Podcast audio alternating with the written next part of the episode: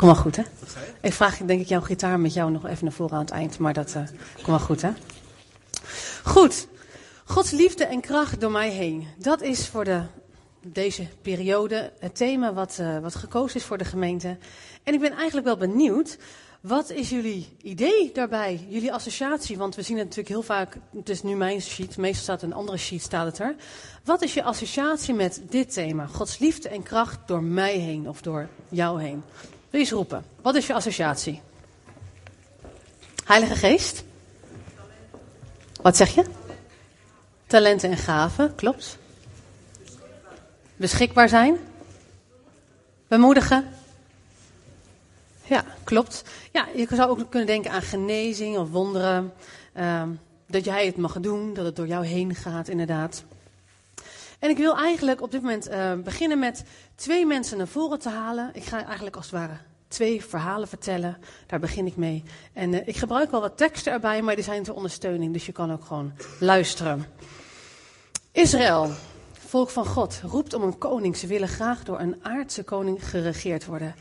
En God stemt daarmee in. En hij stuurt de profeet Samuel om te gaan naar Saul. Want God heeft gezegd, Saul wordt degene die jullie gaat leiden. En Saul is knap. Hij is lang.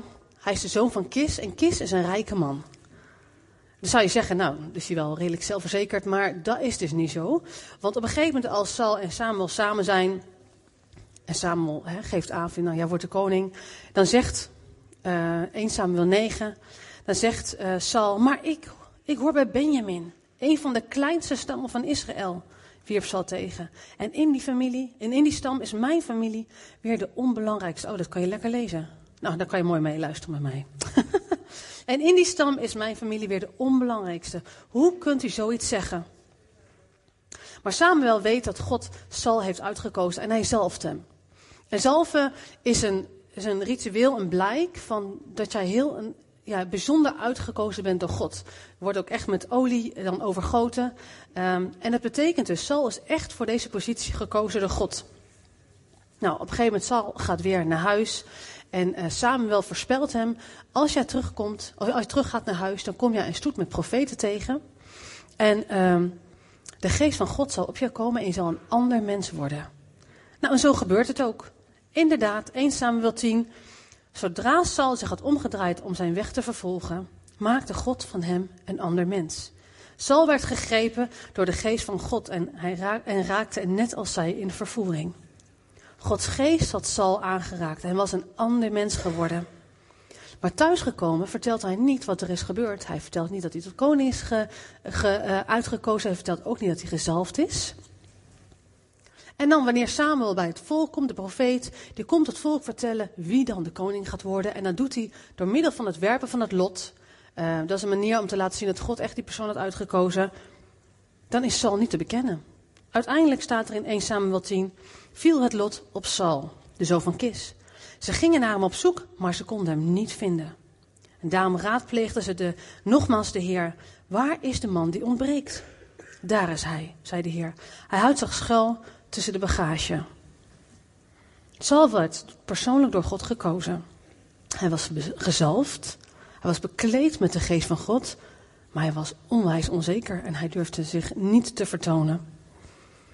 Hij verstopte zichzelf. En als de koning dan, op een gegeven moment is hij koning geworden, als dan de koning van Ammon Israël bedreigt, dan komt Saul achter de koeien vandaan. Ik weet niet wat hij deed, maar hij behaalt wel een overwinning. En twee jaar lang gaat het goed met Israël. Saul is koning en het gaat goed met het volk. Maar wanneer dan de Filistijnen weer de oorlog verklaren aan Israël, wordt iedereen weer bang. Op dat moment is Saul in Gilgal. En Samuel heeft gezegd, je moet wachten tot ik bij je ben. Zodat we, dan kunnen we brandoffers brengen. Maar de manschappen worden ook steeds banger. En Samuel, kom maar niet, kom maar niet. Na zeven dagen is Samuel er nog niet. En Saul denkt, ja, ik moet God echt goed stemmen. Want anders dan, ja, iedereen loopt bij me weg. Dus hij offert alvast. 1 Samuel 13. En dan komt Samuel, hij zegt, wat heeft u gedaan? Saul antwoordde, ja, wat moest ik doen? Ik merkte dat mijn soldaten me in de steek begonnen te laten. En u kwam niet op de afgesproken tijd. De Filistijnen liggen al bij Michmas. En ik dacht bij mezelf, nu zullen de Filistijnen me hier in Gilgal aanvallen zonder dat ik de Heer mild gestemd heb, gestemd heb. En toen heb ik het erop gewaagd en zelf het brandoffer opgedragen. Hoe hebt u zo dom kunnen zijn, zei Samuel. Waarom hebt u zich niet gehouden aan het gebod dat de Heer uw God u gegeven heeft? Dan had de Heer uw koningschap over Israël nu voor altijd bestendigd. Maar nu zal uw koningschap niet stand houden. Saul was uitgekozen, hij was gezalfd, hij was bekleed met de geest van God, maar hij blijft onzeker. En we halen nog wel een overwinning, maar dan als de Amalekieten uh, weer komen en dan zegt God, versla het hele volk. Vernietig alles, inclusief het vee. Doet hij weer niet wat God zegt. En hij behoudt een deel van het vee. En dan komt Samuel opnieuw. 1 Samuel 15. Samuel vroeg, hoe komt het dat ik schapen hoor blaten en runderen hoor loeien? Oh, die hebben ze meegenomen van de Amalekieten, zegt Saul. De soldaten wilden de beste schapen, geiten en runderen sparen om ze te offeren aan de Heer uw God. De rest hebben we afgemaakt. Geen woord meer, zei Samuel tegen Saul. Laat me vertellen wat de Heer mij vannacht over u gezegd heeft. Zoals u wilt, zei Saul. En Samuel zei, u mag dan in uw eigen ogen onbelangrijk zijn. Toch staat u in het hoofd van de stammen van Israël, niet waar? De Heer heeft u gezalfd en tot koning van Israël gemaakt. En toen zei Saul tegen Samuel, ik heb gezondigd. Ik ben voorbij gegaan aan wat de Heer heeft gezegd en aan wat u heeft gezegd. Ik was bang voor de soldaten.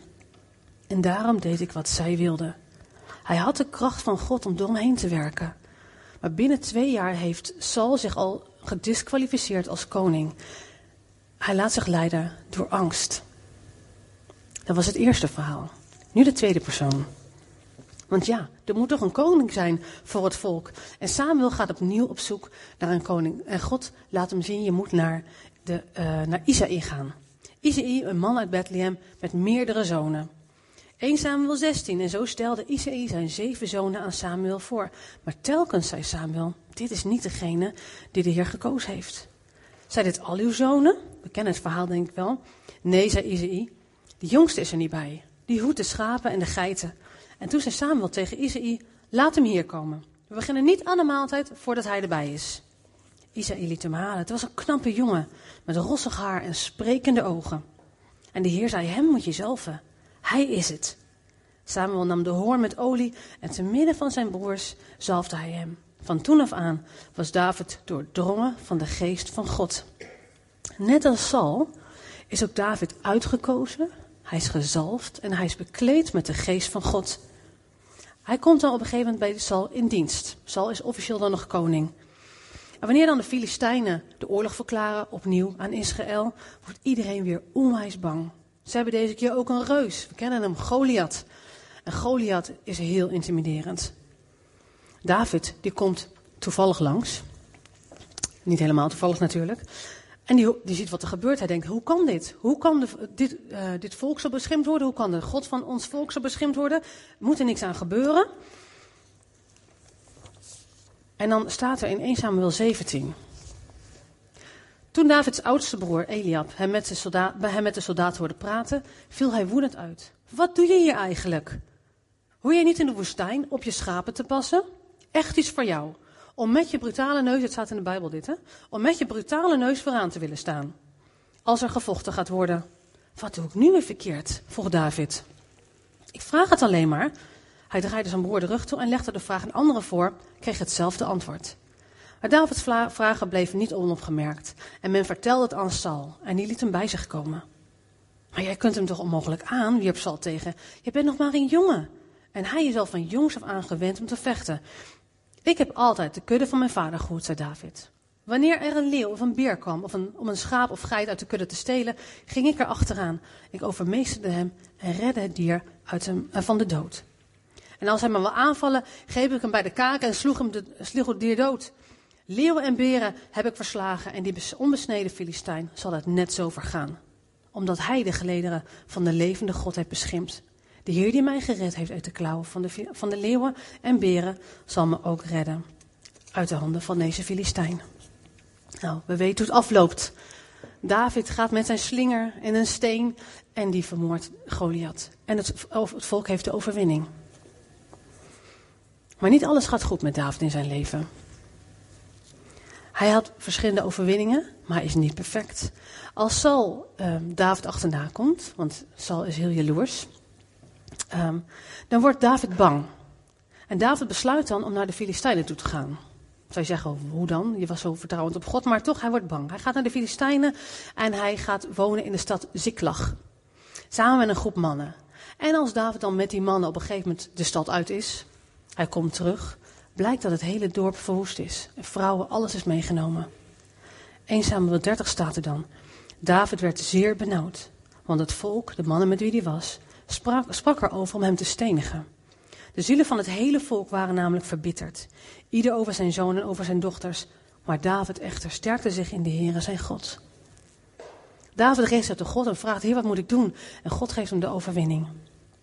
We kennen ook het verhaal van David en Bathseba. Een stukje verder. David is dan koning.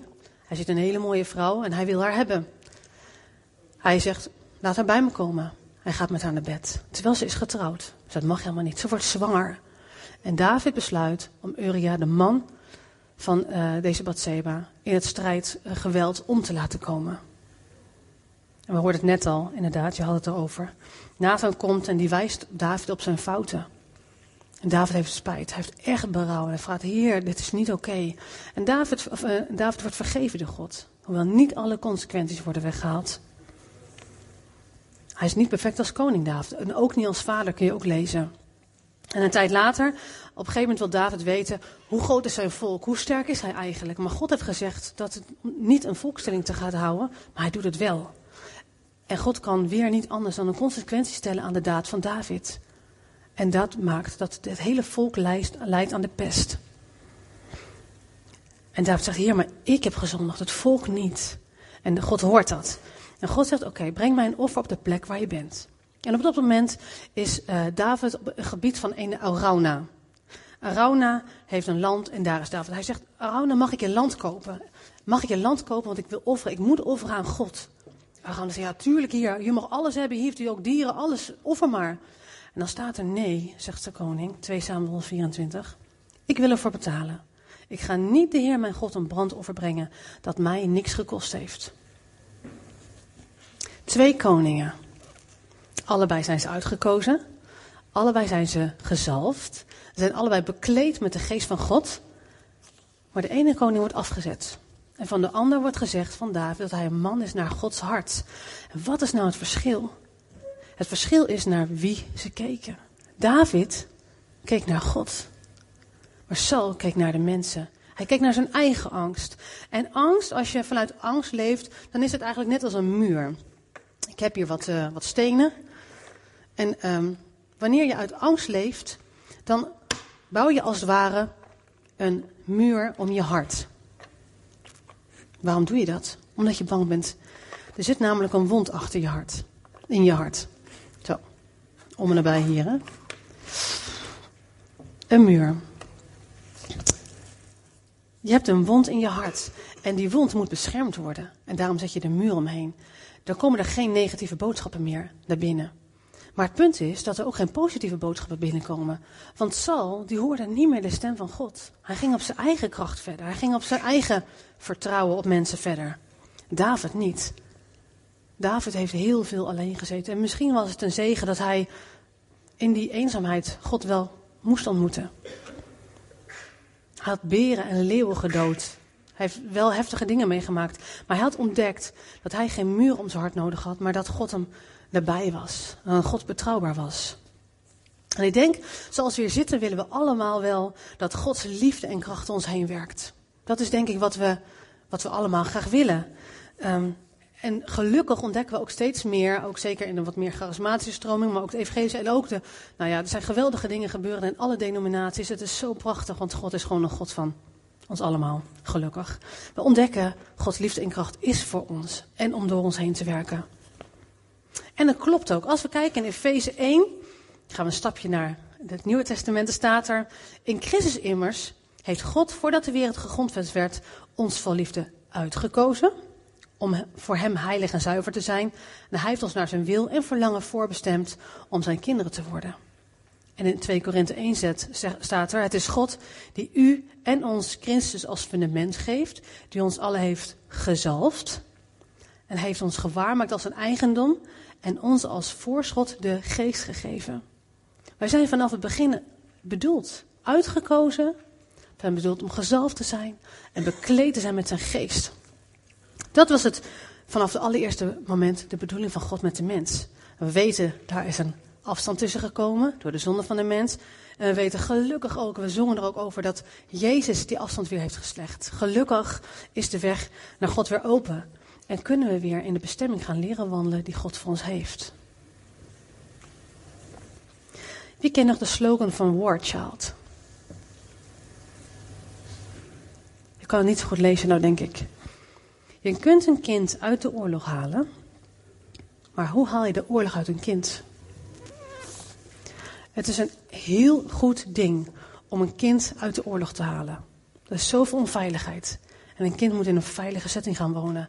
Om daar niet meer die heftige dingen mee te maken. Dat is een heel goed ding. Maar we weten ook dat het een hele tijd kan duren. En in sommige gevallen zullen er altijd resten blijven van de oorlog in het kind. Want er zijn zoveel ervaringen, trauma's opgelopen, die krijg je niet meer zomaar uit het kind. Ik weet dat hier mensen zitten die ook oorlog mee hebben gemaakt. En ik denk dat ze kunnen beamen, je kan wel uit de oorlog gaan, maar de oorlog zit soms nog zo in je, in je hoofd.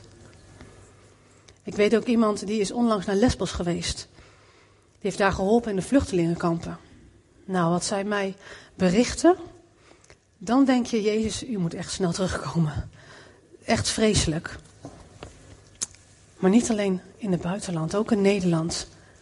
Achter de voordeuren zijn zoveel oorlogen.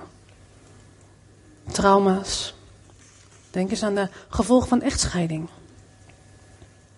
Mishandeling of afwijzing, eenzaamheid. Allemaal ook vormen van oorlog. En ik denk dat we hier allemaal over mee kunnen praten. Ik denk iedereen heeft op een lichte, op een zware manier een vorm van trauma, heftige negatieve ervaringen meegemaakt. En om te overleven moet je dus een muur om je hart gaan bouwen. Die ervaringen die slaan een wond in je hart. En soms een kleine, soms een hele grote. Maar je kan niet leven met telkens die pijn te voelen van die wond. Dus zet je er een muur omheen. Om te overleven, dat is niet fout. Dat is het overlevingssysteem wat een mens heeft gekregen. En het wordt als het ware een soort van gevangenis. Een gevangenismuur om je hart heen. En um, als we dan verder leven, en we, we, kijken vanuit deze gevangenismuur de werkelijkheid, dan doet het als het ware een soort van bril op ons blik. En je gaat met een bepaalde kleur, een bepaalde bril, bekijk je de werkelijkheid, wat je meemaakt, wat er op je afkomt. En het is voor iedereen anders. Ik heb hier nog een uh, bril. Nou ja. Ik zal hem niet oplaten, want dan uh, kunnen jullie maar niet meer horen.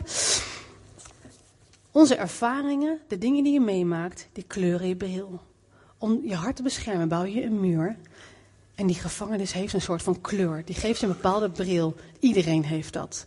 Of je nou uit een goed gezin komt, als je een hele zware achtergrond heeft, iedereen heeft een bepaalde kleur.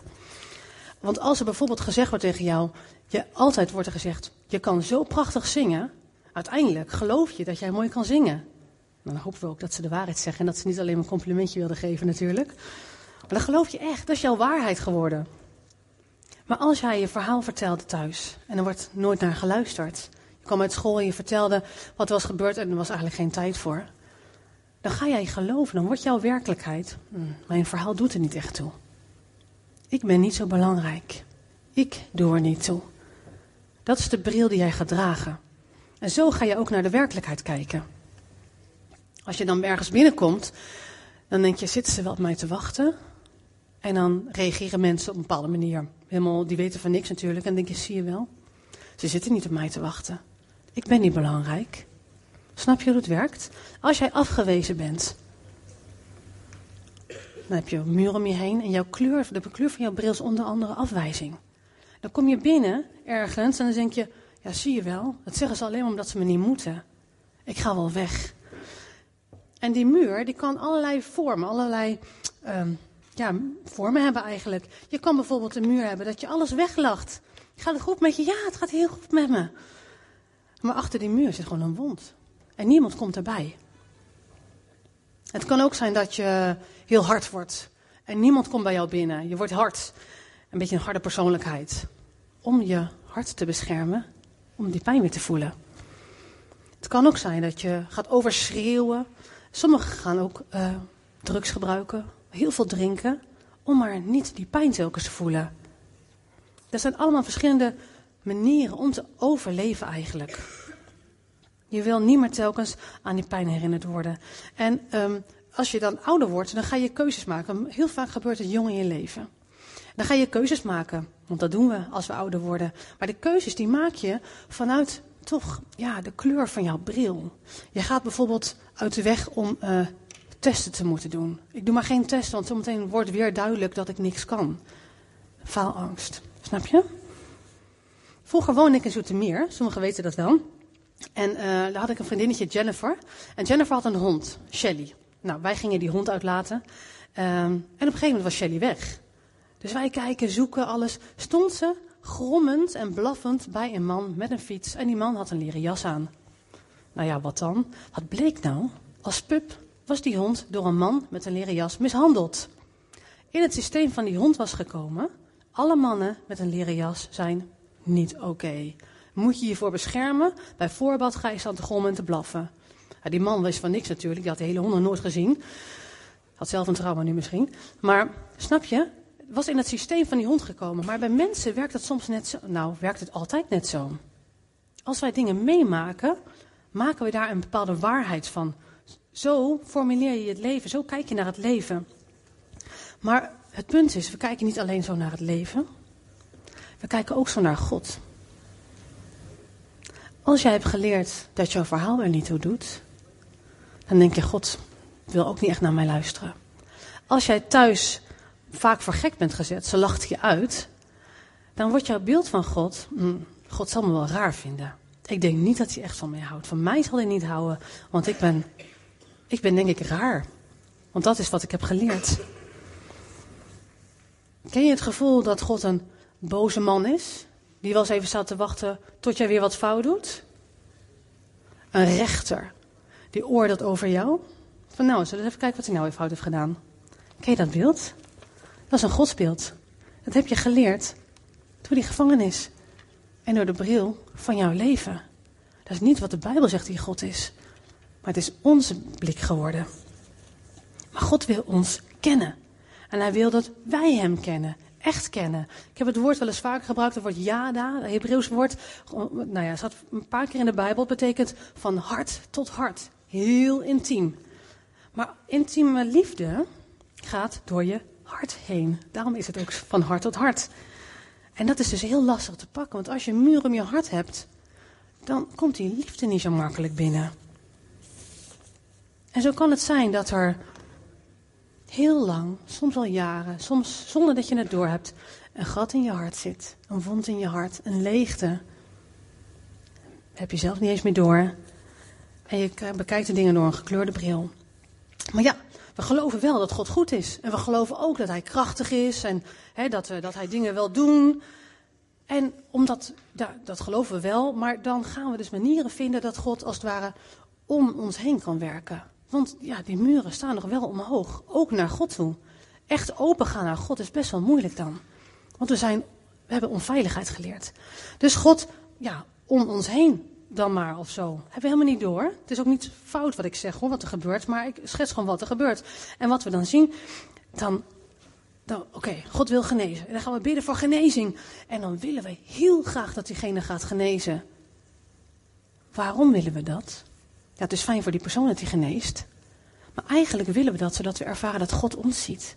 Want weet je, als God door jou genezing geeft, of als God door jou een woord geeft, een woord wat precies past voor die, voor die persoon, dan ziet God jou.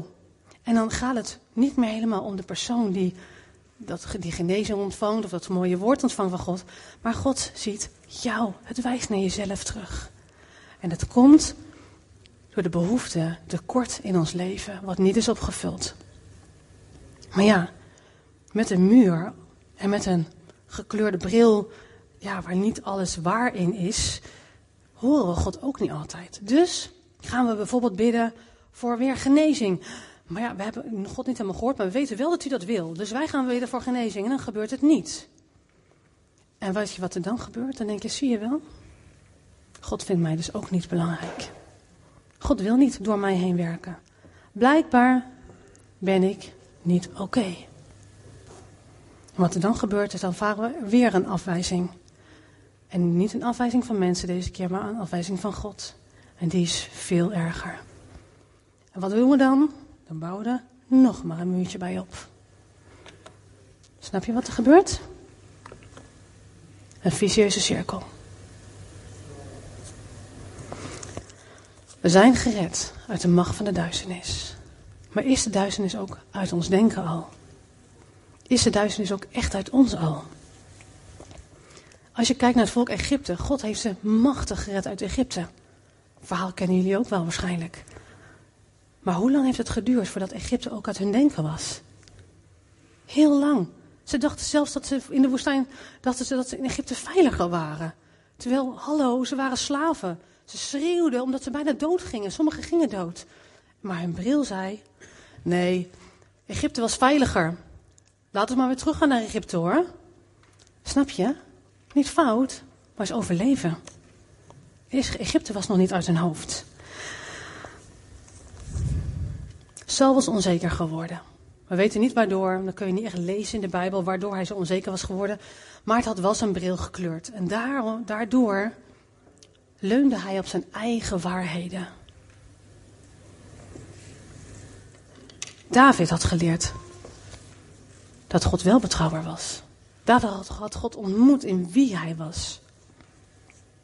God wil ons herstel hebben. Efeze 4. En daar staat in vers 23 en 24. En dat u vernieuwd wordt in de geest van uw denken. En u bekleed wordt met een nieuwe mens. Overeenkomstig het beeld van God. Dat, uh, dat overeenkomstig het beeld van God geschapen is.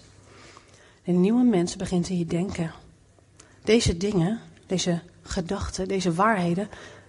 zitten in je denken. Jouw beeldvorming van wie jij bent. Van hoe de omgeving is. En van wie God is. En dat is waarom de Bijbel zegt Word vernieuwd in je denken. Ons van waarheid over wie God waar echt is. En over wie jij bent. En dan mag je leren dat God wel van je houdt. En dat Hij wel voor je zorgt. En dat Hij wel betrouwbaar is. En je wel waardevol bent. Als we willen Gods kracht, Gods liefde en kracht door ons heen. Dan hebben we het nodig om te zien, hé, hey, hoe, hoe open is ons hart? Of zitten er nog muren omheen? Wat is de kleur van mijn bril eigenlijk? Kloppen die kleuren wel? Of zijn ze vertekend door de ervaringen die ik heb opgedaan? Heb je ervoor gekozen? Nee, onbewust. Is het fout? Nee, ook niet. Ik denk dat je ook liever had gehad dat je geen wond in je hart had. Dat je ook liever had gehad dat je een goede kleurbril had gekregen, een goede ervaringen, een waarheid op ontdekt. Dus het is niet fout. Is God er dan boos op? Nee. Nee, hij is er niet boos op. Hij is er verdrietig over. Want God weet dat het jou klein houdt. Het beperkt jou in wie je bent. Want jij denkt dat jij niet oké bent. En je bent het wel. Dat is wat God heeft gezegd tegen jou vanaf het begin van, van de, de grondlegging van de wereld. Jij bent oké. Maar we zijn gaan geloven dat we niet oké zijn. Ik heb hier um, twee flessen. Een uh, vieze en een schone. En als ik hier water doorheen laat lopen, dan denk ik dat je snapt wat er gebeurt. Nou, dat is troebelwater. En door deze schone fles komt schoon water. Zie je dat? Is niet zo moeilijk, hè? Deze viezigheid staat niet voor zonde. Daar hebben we het vaak over, hè? ons hart is vies, dus hebben we het over zonde. Ik heb het nu niet over zonde. Ik heb het over leugens, over onwaarheden. Die we zijn gaan geloven, die niet waar zijn. En dit is een hart wat heeft ontdekt wie het werkelijk is. En wie God werkelijk is. Nou, weet je, hier komen we als we in de hemel zijn. Heus. Maar dit is ook niet nodig. We kunnen nog zo vol met leugens zitten over onszelf, over wie God is. Maar wat gebeurt er met wat er doorheen komt? Als je ervan uitgaat dat dit, Gods liefde en kracht is, wat gebeurt er met wat er doorheen gaat? Zie je het verschil? Het is allebei water hoor. Echt waar. Maar dit is troebel. Wanneer jij hebt geleerd dat jij de liefde van God moet verdienen, zoals het thuis. Als je je best doet, word je beloond. Dan zul je ook een andere leren. Ja, God houdt van je, maar het is wel goed dat je dit doet en dat je dat doet. Snap je? Als je hebt geleerd, je bent niet erg belangrijk. Wat leer je dan aan anderen? Ja, God wil wel een relatie met je hoor, echt, ja. Maar je hebt geen idee. Je hebt geen idee. Kun je je voorstellen dat die hele kerkleer op mis is gegaan? Als jij hebt geleerd dat jij een zondaar bent en dat het maar de vraag is of jij in de hemel komt, dat is niet godsbeeld. Ja, het is een godsbeeld, maar dat is niet godsbeeld van de mensen en niet van zijn werkelijkheid. Maar het is wel wat de hele kerk hebben geleerd. Het is gewoon water, wat heel, heel troebel is geworden. Als wij Gods liefde en kracht om ons heen willen, dan is het nodig dat wij gaan opruimen. Dat wij de muren van ons hart gaan aankijken. Gideon, wil jij hier alvast komen? Misschien wil je heel zacht op de achtergrond gewoon een beetje tokkelen. We hebben het nodig om God te ontmoeten in wie Hij is. En dat betekent, heel eerlijk, Heer, waar staan de muren van mijn hart voor? Waar zijn ze begonnen? En wat is uw waarheid? En hier, wat ben ik eigenlijk gaan geloven? Over mezelf, over u, over de werkelijkheid. We hebben het nodig om te ontmoeten wie God is, zoals David ook God had ontmoet in persoon. Saul die was blijven hangen bij zijn ervaringen, bij het beeld dat het dacht dat het was. Was dat fout? Ja, helaas heeft het wel tot fouten geleid. Maar David had ontmoet wie God werkelijk was. Ik wil jullie eigenlijk uitnodigen om nu samen naar God toe te gaan. Het is gewoon voor jezelf. Gewoon zoals je zit op de stoel. En God bestaat zoals we weten uit drie. En God is een drie ene God, drie personen. Je hebt God de Vader. God de Vader die is er voor jouw identiteit. Hij wil jou sterken in wie jij bent. En hij wil jou beschermen. Hij wil voorzien aan je, in jouw behoeftes. Hij weet wat je nodig hebt. En je hebt Jezus, de Zoon van God. En Hij wil jouw dierbaarste vriend zijn. Jouw enige geliefde. En we hebben de Heilige Geest. En de Heilige Geest onderwijst jou. En Hij troost je, zoals ook een moeder dat kan doen. En misschien is het zo dat jij bij een van deze drie personen denkt: ja, daar ga ik het liefst naartoe. De rest, uh, nou, weet ik even niet zo goed. Of of misschien is er een van deze drie personen die je beter zou willen leren kennen. Ik wil je vragen, wil je je ogen dicht doen?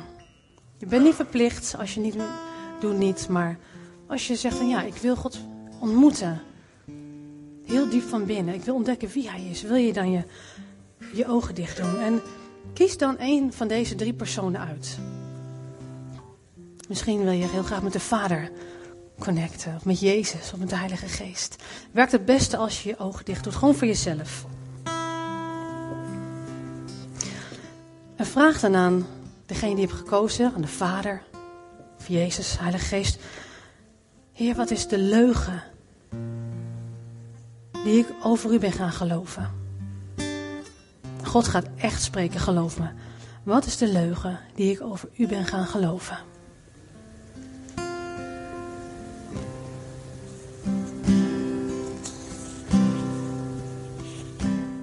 Mijn Vader, Jezus, Heilige Geest, wilt u me laten zien waar, waar heb ik deze leugen geleerd? God zal je waarschijnlijk een situatie te binnenbrengen of een indruk geven. Waar heb ik deze leugen geleerd?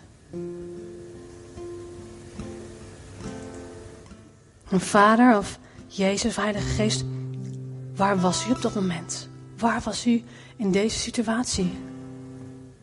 Toen dit gebeurde met mij.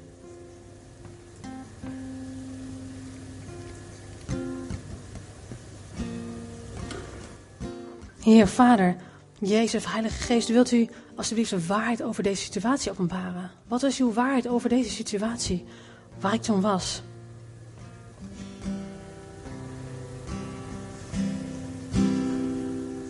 God spreekt echt.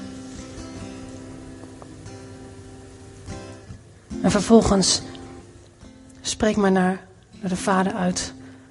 Of naar Jezus de Heilige Geest dat je ervoor kiest. En dat is een moeilijke, dat is een proces.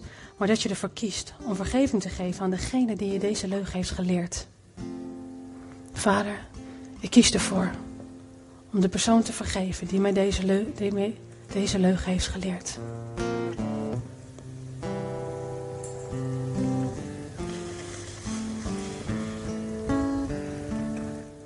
En geef dan ook elke demonische binding of elk gedachtebolwerk wat hier aan vastgekoppeld is aan deze leugen, aan de Vader of aan Jezus of aan de Heilige Geest, de persoon met wie je nu connect bent. Heer, ik geef aan u elke demonische binding die aan deze leugen vastzit. En elke bolwerk in mijn denken dat vastzit aan deze leugen. Ik geef het aan u, Heer.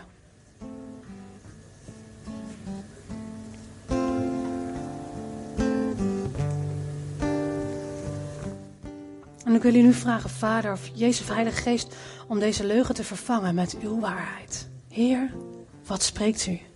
Wat spreekt u op dit moment? Wat is de waarheid in deze leugen? En God spreekt echt.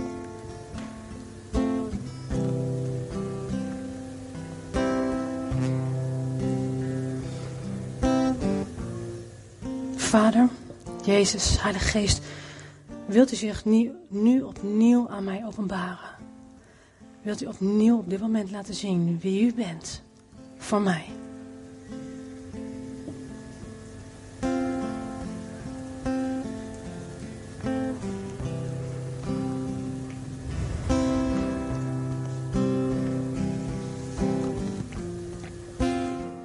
En dank dan ook de Vader, Jezus, of Heilige Geest, met wie je op dit moment praat voor wat hij heeft gedaan op dit moment, wat hij heeft gesproken. Voor de waarheid die hij heeft je laten zien en van hoe hij zichzelf aan jou openbaard heeft. Dank hem ervoor. Heer, ik dank u dat uw waarheid zo anders is dan wat ik ben gaan geloven, Heer. Dank u dat u opnieuw aan mij wil laten zien wat uw waarheid is.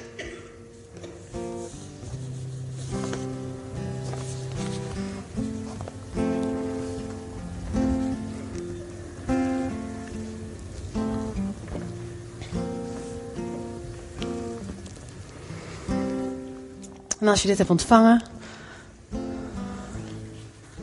dan wil ik je uitdagen om het ook op te schrijven wat je hebt gehoord van God. En dit kun je heel vaak ook met God zelf doen. Ik, de afgelopen periode heb ik dit heel veel met God gedaan. En ik merk een ongelooflijk verschil in mijn relatie met God. Ik ben gaan ontdekken, ik heb ook muren om mijn hart gebouwd. En ik heb ook een bril, ben ik ook gaan dragen. Maar door zo met God samen te gaan, soms met de Vader, soms met Jezus, soms met de Heilige Geest, ben ik gaan ontdekken wat zit eigenlijk in het fundament van mijn muren. Wat zit er aan de, basis van deze gevangenis? En ik ben het gaan ontmaskeren samen met God. En ik merk zoveel herstel. Ik merk zoveel herstel ook in mijn beeld van God, wie Hij is. En God is zoveel meer dan ik wist. God is zoveel groter dan ik dacht. Dus ik wil je uitdagen om dit ook, de proces gaat verder aan met God. Gewoon als je alleen bent. Of doe het met iemand samen, dat kan ook. Tot zover. Dankjewel.